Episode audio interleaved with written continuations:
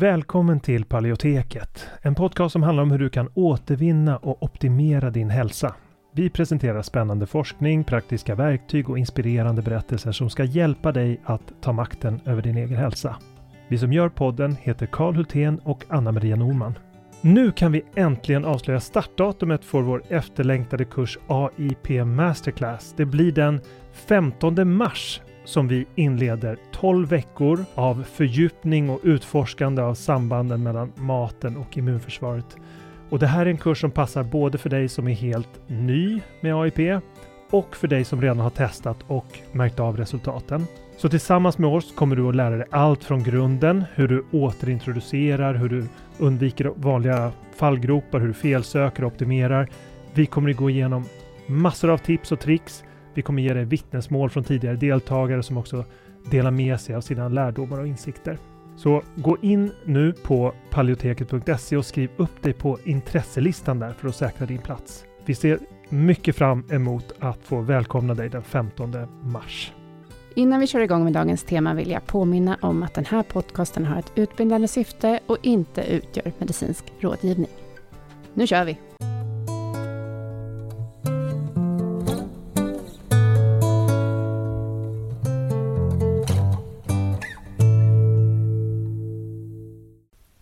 Sommar och vi är på semester och har det lugnt och skönt med barnen.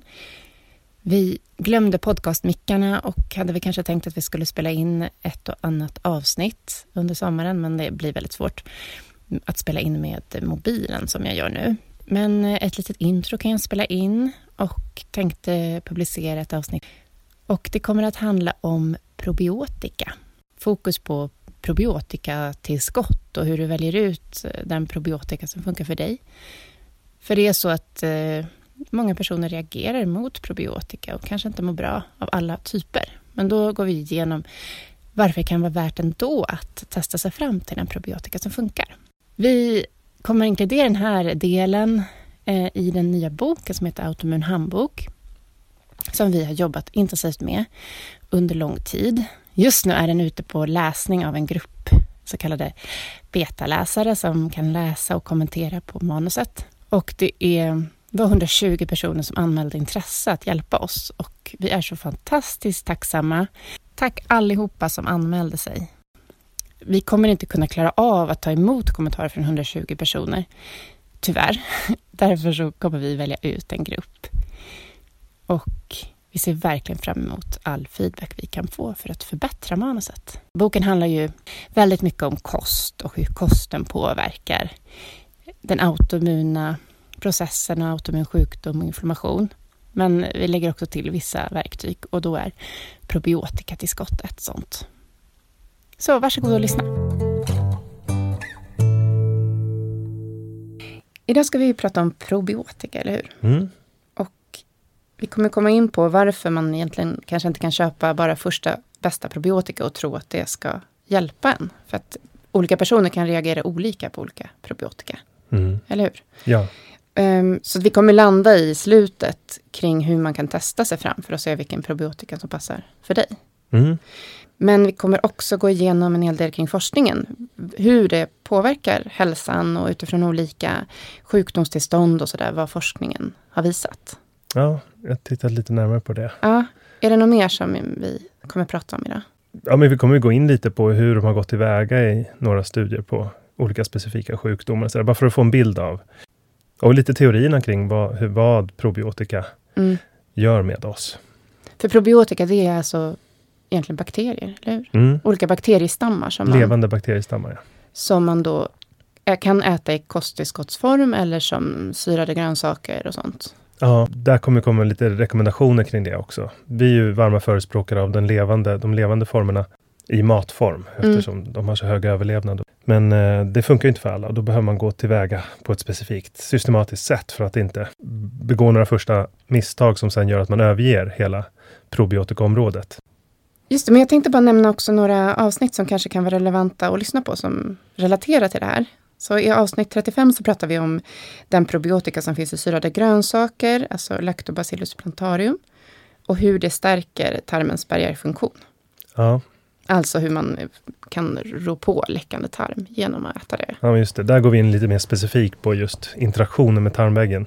Det finns ju fler effekter än just eh, effekten på um, tarmväggens ja. integritet. Det kommer vi prata om lite ja. idag. Då. Ja. Men sen vill jag också nämna avsnitt åtta, där vi pratar om tarmhälsa och vad läckande tarm är för någonting. Och hur mm. det kan påverka olika typer av hälsobesvär. Mm. Ja, så lyssna också på dem. Bra. Men nu ska vi bredda oss lite eh, mm. kring probiotika och tala om några olika typer av probiotika och på vilket sätt det kan bidra till hälsan. Mm. Ja. Det här avsnittet presenteras i samarbete med Gröna Gårdar som levererar ekologiskt gräsbeteskött från 40 gårdar i Västsverige.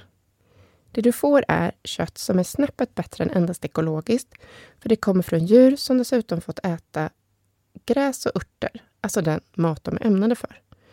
Det gör både att de har bidragit till den biologiska mångfalden och att köttet har en bättre fettsyrabalans än konventionellt kött. Gröna Gårdar erbjuder Paleotekets lyssnare en rabatt under 2018. Så ange koden Paleoteket 2018 så får du som förstagångskund 10% rabatt på deras nötbox samt buljongbox. Gå in på grönagårdar.se och beställ hem direkt till dörren eller till utlämningsställen. Och de levererar i Västsverige och Stockholm. Det finns några olika huvudgrupper av probiotika där som, som vi kommer komma tillbaka till. Och det är de, de fyra eh, fem grupperna kanske man kan säga egentligen. Om man, eh, den, den, första gruppen är väl liksom levande bakterier i syrade grönsaker. Det är en form av laktobaciller, så den tillhör egentligen gruppen laktobaciller och bifidobakterier. Men normalt sett så är de, den kategorin av fermenterande bakterier mer från mejeriprodukterna. Så därför så delar jag upp dem i två, trots att de är laktobaciller. De tillhör egentligen samma släkte. Um, men så det, det, det är de ena. Sen så finns det en annan, en svampbakterie uh, som är väldigt väl beforskad och det är Saccharomyces boulardii. Så den är inte någon bakterie, men den har ändå probiotika. Mm.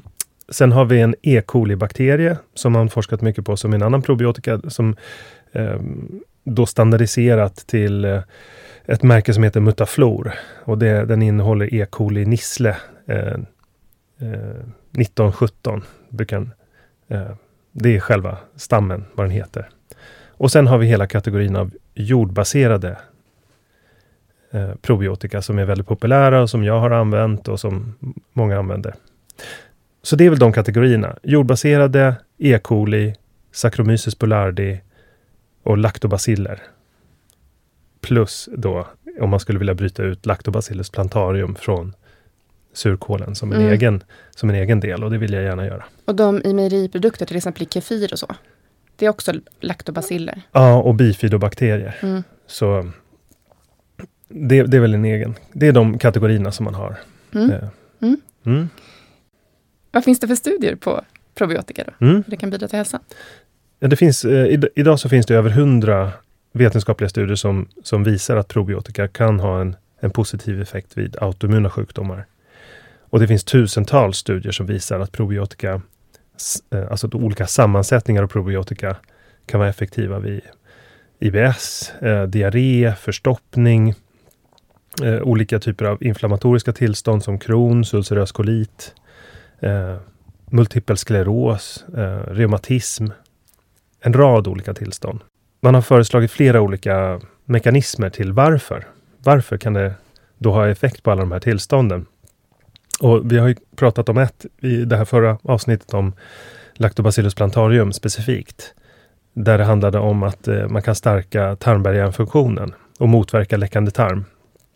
Men det finns också andra effekter som, som mer har att göra med att bakterier som man tar i levande form kan binda andra bakteriers giftiga peptider, om man säger. Alltså det finns en biologisk krigföring mellan bakterier. Och då kan probiotiska stammar då, har man sett, kan binda vissa typer av den biologiska krigföringen som kanske infektioner eller delar av normalfloran som tillåts ta över eh, producerar låga nivåer av gifter då, som kan absorberas av de här probiotiska stammarna. Skulle man säga att eh, liksom, probiotikan, det är de goda bakterierna och de onda bakterierna kan då slås undan tack vare de goda bakterierna? Kan ja, man, man kan se det som, det är väl en av hypoteserna, att man ser en normalisering av obalanser alltså, genom biologisk krigföring. De probiotiska stammarna generellt sett är, eh, passar väl ihop med eh, människans genetik och eh, matsmältning och därmed också immunförsvar. Och, och då kan delar av normalfloran kanske eh, vara mera skadliga och sen finns det ju också opportunistiska delar av normalfloran, som till exempel när man får magsår. Eh, helikobakter är en sånt exempel. Det har ju de flesta i sig. Men det blommar ut och tar över då. Och det ska vi kanske prata om i ett eget program, just den. Mm. Men eh, sen finns det också exempel på opportunistiska patogener som inte är en del av normalfloran. Och de kan utsöndra den här typen av gifter som då kan absorberas. Man säger att de är opportunistiska, vad, vad, menar man då? Att de... När de tar ett tillfälle när du har ett försvagat immunförsvar eller du har en, ett immunförsvar som är eh, dåligt på att urskilja eh, eller ett immunförsvar som är överreaktivt som vid autoimmun sjukdom. Mm. Som, eh, eller en mikroflora som är för smal så att det inte finns någon ekologisk balans i tarmen. Mm. En, så här, en person som man litar på, men egentligen bara luras den. ja, exakt. Det är sådär. När man är svag. ja, men precis. Som, som, som, bara kommer in och koloniserar, som bara verkar trevlig när man först träffar den. som, som okay. kommer att ta över. Men äh, äh,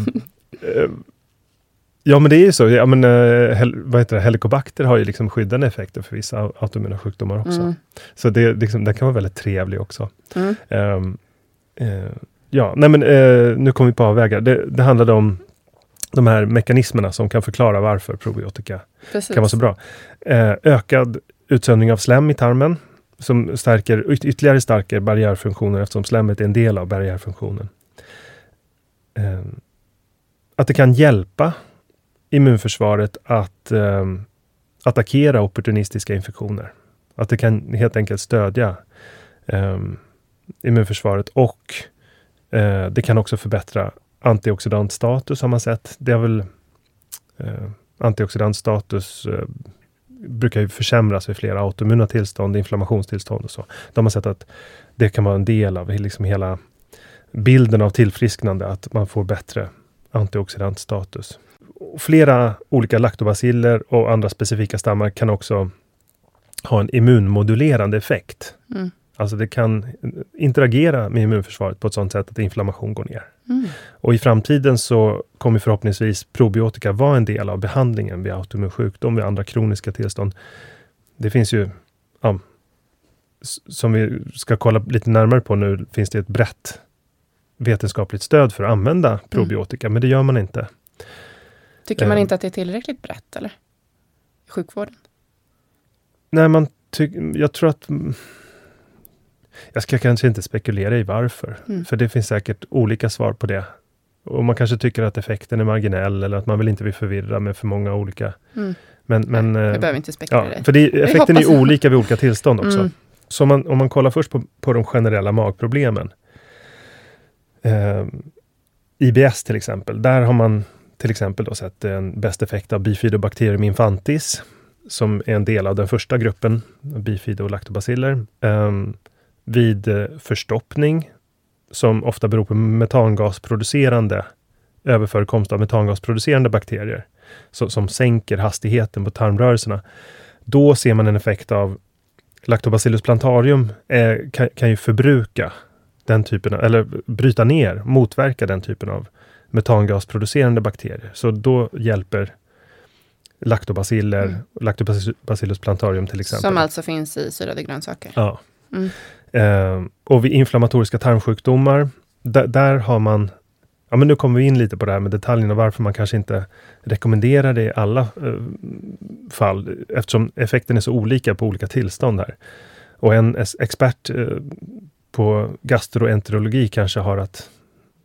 Jag vet inte om de har att hantera... De har ju hanterat väldigt många olika...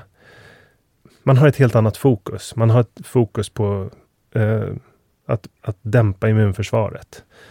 Att eh, ge snabb eh, symptomlindring utan komplikationer. Och här finns det ju en risk att det inte funkar för alla individer. Mm. Eh, men om man kollar på Crohns till exempel då, så finns det till exempel inga data på att man ska kunna få sjukdomen i remission, alltså i, minska symptomen så mycket att den är symptomfri eh, med probiotika. Men man har kunnat upprätthålla remission eh, och förbättra symptombilden eh, då med, med till exempel Saccharomyces boulardii, som är den här svamp eh, gäst eh, probiotikan. Och det finns också bevis för eh, VSL3 som är en kombination av laktobaciller och bifidobakterier. Eh, det är typ eh, 12 olika eh, bakterietyper i den, VSL3. Så, så båda de hjäl verkar hjälpa för att upprätthålla remission. Um, och vid ulceris, uh, eh, ulcerös kolit så har man också sett en god effekt av VSL3. Uh, ehm, och E. coli nissle. Uh, ehm, och om man kollar på, jag ska inte bli för långrandig kring forskningen här, men om vi skulle gå vidare med no några exempel till på reumatism till exempel. Även där så är laktobaciller och bifidobakterier de som är mest studerade, har gett jättestor nytta. Man ser sänkta inflammationsvärden. Eh, och en studie där man eh, följde 60 patienter som testade den här probiotikan, så såg man tydligt förbättrade CRP-värden då, som är ett mått på inflammation. Mm. Eh, och man har gjort andra studier eh, med eh, andra laktobaciller och sett funktionella förbättringar, alltså i rörelseförmågan i, i grupper med reumatism. Vid typ 1-diabetes till exempel har man sett väldigt god effekt av bifidobakterier och laktobaciller. Som tycks ge förbättrat skydd mot typ 1-diabetes. Vid MS så har man sett olika typer av laktobaciller också. Och det, det här visar ju eh, av alla grupperna eh, av alla grupperna probiotika så vet vi att eh, laktobacillerna och bifidobakterierna är den gruppen som har störst vetenskapligt stöd. Den är mest det är de mest studerade. Så det är därför det finns troligen bäst stöd för de grupperna av probiotika. Och eh, det finns också ett väldigt stort utbud inom den gruppen. Um, men vid sidan av dem så är de här två eh, Saccharomyces boulardii och E. coli nissle, de är också väl beprövade och har en, men de är ju enskilda bakteriestammar som inte används. De de används i många studier men inte lika brett som laktobacillerna har gjort. Ehm, och de jordbaserade, de är lovande men de är absolut inte välstuderade. De ehm, har visat en god effekt vid IBS, men vi väntar fortfarande på fler studier ehm, från dem. Och eh, de den har inte testats vid autoimmuna tillstånd överhuvudtaget, men den är väldigt intressant ur ett evolutionsmedicinskt perspektiv eftersom den innehåller bakterier som, eh, som har samutvecklats med människan under väldigt lång tid. Och vi vet att vi har fått i oss eh, jordbaserade organismer under vår utveckling.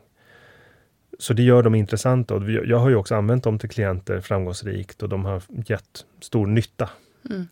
Men vissa, det... vissa har ju också reagerat på dem, eller hur? Ja, absolut. Så det... Så, och det, sen är det lite skakigt här nu också, för att den som hade en, ett av de största märkena, som är Prescript Assist, mm. har nyligen ändrat, av, av, lite oklara skäl, ändrat sin form, eh, av, vad säger man, sammansättning mm. av bakterier. Och det fanns ju en kliniskt god effekt som var belagd på IBS bland annat. Eh, och nu har sammansättningen ändrats och då saknar ju den vetenskapligt mm. stöd. Och, så, och, det här hände ganska nyligen. Um, så, så, nu är det ännu svagare, tyvärr, mm. det vetenskapliga stödet inom den gruppen. Så om man ska liksom basera sin användning enbart på forskningen och inte bara inte börja använda sig av beprövad erfarenhet i förväg. Mm. Baserat på att man har kanske en, ett önskemål om att just den evolutionsmedicinskt intressanta mm. gruppen ska få företräde. Då kan, kanske man bör börja med laktobaciller, bifidobakterier, E. coli nissle och eh, Saccharomyces boulardii. Mm. Eh, och i vissa tillstånd Bifidobacterium infantis, eh, som vid IBS till exempel. Men Eh, kontentan då. Eh, om, om man, man, kan, att de kliniska studierna kan ju aldrig förutspå hur en viss eh, probiotika kommer funka för just dig. Eh, vad den kan göra är att berätta, i bästa fall så kan den berätta något om sannolikheter. Det kanske, det kanske inte är så att eh, vissa kategorier, eh, bara för att de är mer, har en belagt god effekt, eh, är, är mer effektiva.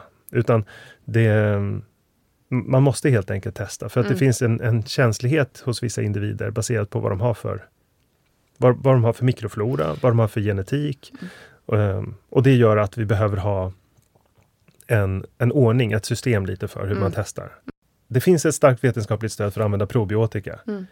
Uh, men när du börjar använda probiotika så välj från de olika grupperna. Mm, uh, välj inte, när du byter probiotika, ta inte en ny probiotika från samma grupp. För sannolikheten är att om du får en negativ reaktion från den ena, då kommer du också få sannolikt få en negativ reaktion från, från nästa inom samma grupp. Mm.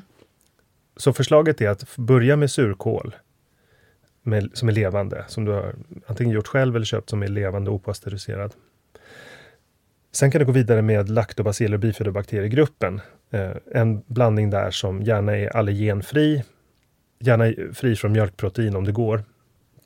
Det brukar inte alltid gå, men det kanske man, man, man kan testa det i alla fall. Det är ganska i många fall så, så är det sådana små mängder att det inte gör någon skillnad utan de positiva effekterna överväger. Så att man även kan ta, om det är små mängder, mikromängder mjölkprotein, det, det påverkar inte mm. alls speciellt det, många. Det där undrar ju många, för ibland är det majs också till exempel och så ingår inte det i ja. och så undrar de hur de ska tänka då. Mm. Nej, jag tycker att man får eh, det här betraktas som ett separat steg och en, en viss probiotika kan testas trots att den innehåller vissa allergen, men inte om man är, har en, i en snabb allergi mot ett mm. livsmedel. Så har du en allergi mot ärtprotein till exempel, som du vet är eh, IgE-medierad, alltså att den är snabb, då kan du inte ta till exempel den nya Prescriptacist, för den innehåller ärtprotein. Men, men det finns så otroligt många potentiella allergener, så man kan försöka att minimera det genom att eh, försöka ta dem allergenfria, men, men risprotein, mm. majsprotein, nej. Alltså det, det, är det, så lite. Det är så lite mm. och det påverkar väldigt få. Mm. Så det tycker jag man kan faktiskt bortse ifrån. Men vad man inte kan bortse ifrån, det är att du måste success, du måste strukturerat välja från olika grupper. Så att man tar först surkål, sen blandningen laktobaciller, sen eh, Saccharomyces boulardii eller E. coli nissle eh, och sen en jordbaserad. Och Eh, är det så att man ska få, man, man, ska ju då, för att det ska betraktas som framgångsrikt, så ska det vara en neutral eller en positiv reaktion på det. Och får du en neutral eller en positiv på flera av de här alternat fem alternativen, då kan man ju kombinera de två positiva till en... Eh, för då, då, skulle de liksom eh, potentiellt kunna förstärka varandras effekt, men då, då vet du att de passar bra för dig.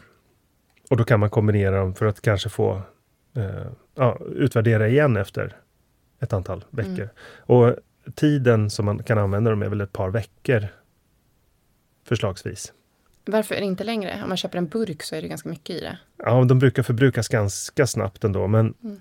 man ska nog märka en effekt inom två veckor. Det är så, eh, till och med snabbare. Mm. Men, men två veckor på varje probiotika är en ganska bra tid. Man, kan inte, man ska inte ge det, man ska inte ha för mycket tålamod heller. Nej. Men då undrar jag, negativ effekt, vad, vad, är det van, vad är det för vanliga negativa effekter då? Om, man inte, om den inte passar en?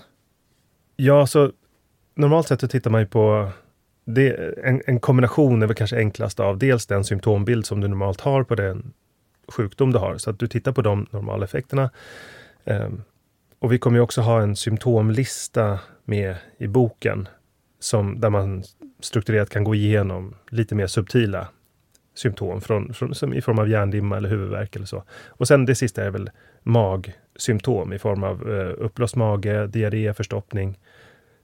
Och det där kan man ju bara skriva ner ett antal punkter. Mm. Man kan inte ha för många variabler heller. Mm. Men, Men, magen, förutom sina andra ja, symptom? Ja. Precis.